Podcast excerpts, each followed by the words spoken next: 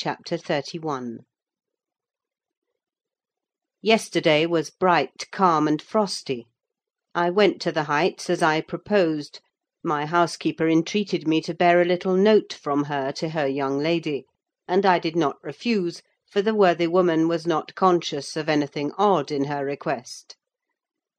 The front door stood open, but the jealous gate was fastened as at my last visit. I knocked, and invoked Earnshaw from among the garden beds: he unchained it, and I entered. The fellow is as handsome a rustic as need be seen.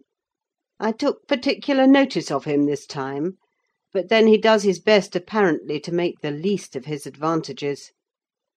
I asked if Mr. Heathcliff were at home. He answered, no, but he would be in at dinner time. It was eleven o'clock, and I announced my intention of going in and waiting for him; at which he immediately flung down his tools and accompanied me, in the office of watch dog, not as a substitute for the host. We entered together. Catherine was there, making herself useful in preparing some vegetables for the approaching meal. She looked more sulky and less spirited than when I had seen her first. She hardly raised her eyes to notice me, and continued her employment with the same disregard to common forms of politeness as before; never returning my bow and good morning by the slightest acknowledgment. She does not seem so amiable, I thought, as Mrs. Dean would persuade me to believe. She's a beauty, it is true, but not an angel. Earnshaw surlily bid her remove her things to the kitchen. "Remove them yourself," she said, pushing them from her as soon as she had done, and retiring to a stool by the window, where she began to carve figures of birds and beasts out of the turnip parings in her lap. I approached her, pretending to desire a view of the garden; and, as I fancied, adroitly dropped Mrs. Dean's note on to her knee, unnoticed by Hareton; but she asked aloud, "What is that?" And chucked it off. "A letter from your old acquaintance, the housekeeper at the Grange," I answered, annoyed at her exposing my kind deed, and fearful lest it should be imagined a missive of my own. She would gladly have gathered it up at this information, but Hareton beat her. He seized and put it in his waistcoat, saying Mr. Heathcliff should look at it first. Thereat Catherine silently turned her face from us, and very stealthily drew out her pocket handkerchief and applied it to her eyes; and her cousin, after struggling awhile to keep down his softer feelings, pulled out the letter, and flung it on the floor beside her as ungraciously as he could. Catherine caught and perused it eagerly. Then she put a few questions to me concerning the inmates, rational and irrational, of her former home, and, gazing towards the hills, murmured in soliloquy, "I should like to be riding Minny down there. I should like to be climbing up there. Oh, I'm tired! I'm stalled, Hareton!" And she leant her pretty head back against the sill, with half a yawn and half a sigh, and lapsed into an aspect of abstracted sadness, neither caring nor knowing whether we remarked her. "Mrs. Heathcliff," I said, after sitting some time mute, "you are not aware that I am an acquaintance of yours: so intimate that I think it strange you won't come and speak to me. My housekeeper never wearies of talking about and praising you; and she'll be greatly disappointed if I return with no news of, or from you, except that you received her letter, and said nothing." She appeared to wonder at this speech, and asked, "Does Ellen like you?" "Yes, very well," I replied, hesitatingly. "You must tell her," she continued, "that I would answer her letter, but I have no materials for writing: not even a book from which I might tear a leaf." "No books!" I exclaimed. "How do you contrive to live here without them, if I may take the liberty to inquire? though provided with a large library, I'm frequently very dull at the Grange: take my books away, and I should be desperate." "I was always reading when I had them," said Catherine.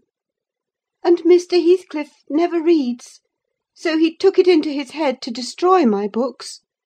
I have not had a glimpse of one for weeks. Only once I searched through Joseph's store of theology, to his great irritation; and once, Hareton, I came upon a secret stock in your room: some Latin and Greek, and some tales and poetry: all old friends. I brought the last here, and you gathered them, as a magpie gathers silver spoons, for the mere love of stealing. They are of no use to you or else you concealed them in the bad spirit that, as you cannot enjoy them, nobody else shall. Perhaps your envy counselled Mr. Heathcliff to rob me of my treasures. But I've most of them written on my brain, and printed in my heart, and you cannot deprive me of those." Earnshaw blushed crimson when his cousin made this revelation of his private literary accumulations and stammered an indignant denial of her accusations. "Mr. Hareton is desirous of increasing his amount of knowledge," I said, coming to his rescue. "He is not envious, but emulous of your attainments. He'll be a clever scholar in a few years." "And he wants me to sink into a dunce meantime," answered Catherine. "Yes, I hear him trying to spell and read to himself, and pretty blunders he makes. I wish you would repeat Chevy Chase as you did yesterday: it was extremely funny. I heard you; and I heard you turning over the dictionary to seek out the hard words, and then cursing because you couldn't read their explanations." The young man evidently thought it too bad that he should be laughed at for his ignorance and then laughed at for trying to remove it. I had a similar notion; and, remembering Mrs. Dean's anecdote of his first attempt at enlightening the darkness in which he had been reared, I observed, "But, Mrs. Heathcliff, we have each had a commencement, and each stumbled and tottered on the threshold. Had our teachers scorned instead of aiding us, we should stumble and totter yet." "Oh!" she replied, "I don't wish to limit his acquirements. Still he has no right to appropriate what is mine, and make it ridiculous to me with his vile mistakes and mispronunciations. Those books, both prose and verse, are consecrated to me by other associations, and I hate to have them debased and profaned in his mouth. Besides, of all, he has selected my favourite pieces, that I love the most, to repeat, as if out of deliberate malice." Hareton's chest heaved in silence a minute. He laboured under a severe sense of mortification and wrath, which it was no easy task to suppress. I rose, and, from a gentlemanly idea of relieving his embarrassment, took up my station in the doorway surveying the external prospect as I stood. He followed my example and left the room; but presently reappeared, bearing half a dozen volumes in his hands, which he threw into Catherine's lap, exclaiming, "Take them! I never want to hear, or read, or think of them again." "I won't have them now," she answered. "I shall connect them with you, and hate them. She opened one that had obviously been often turned over, and read a portion in the drawling tone of a beginner; then laughed, and threw it from her. "And listen," she continued, provokingly, commencing a verse of an old ballad in the same fashion. But his self love would endure no further torment. I heard, and not altogether disapprovingly a manual check given to her saucy tongue. The little wretch had done her utmost to hurt her cousin's sensitive though uncultivated feelings, and a physical argument was the only mode he had of balancing the account, and repaying its effects on the inflictor. He afterwards gathered the books and hurled them on the fire. I read in his countenance what anguish it was to offer that sacrifice to spleen. I fancied that as they consumed, he recalled the pleasure they had already imparted, and the triumph and ever increasing pleasure he had anticipated from them; and I fancied I guessed the incitement to his secret studies also. He had been content with daily labour and rough animal enjoyments, till Catherine crossed his path. Shame at her scorn, and hope of her approval, were his first prompters to higher pursuits; and instead of guarding him from one and winning him to the other, his endeavours to raise himself had produced just the contrary result. "Yes, that's all the good that such a brute as you can get from them!" cried Catherine, sucking her damaged lip, and watching the conflagration with indignant eyes. "You'd better hold your tongue now!" he answered fiercely. And his agitation precluded further speech. He advanced hastily to the entrance, where I made way for him to pass; but, ere he had crossed the door stones, Mr. Heathcliff, coming up the causeway, encountered him, and laying hold of his shoulder, asked, "What's to do now, my lad?" "Naught, naught," he said, and broke away to enjoy his grief and anger in solitude. Heathcliff gazed after him and sighed. "It will be odd if I thwart myself," he muttered, unconscious that I was behind him. "But when I look for his father in his face, I find her every day more. How the devil is he so like? I can hardly bear to see him." He bent his eyes to the ground, and walked moodily in. There was a restless, anxious expression in his countenance I had never remarked there before, and he looked sparer in person. His daughter in law, on perceiving him through the window, immediately escaped to the kitchen, so that I remained alone.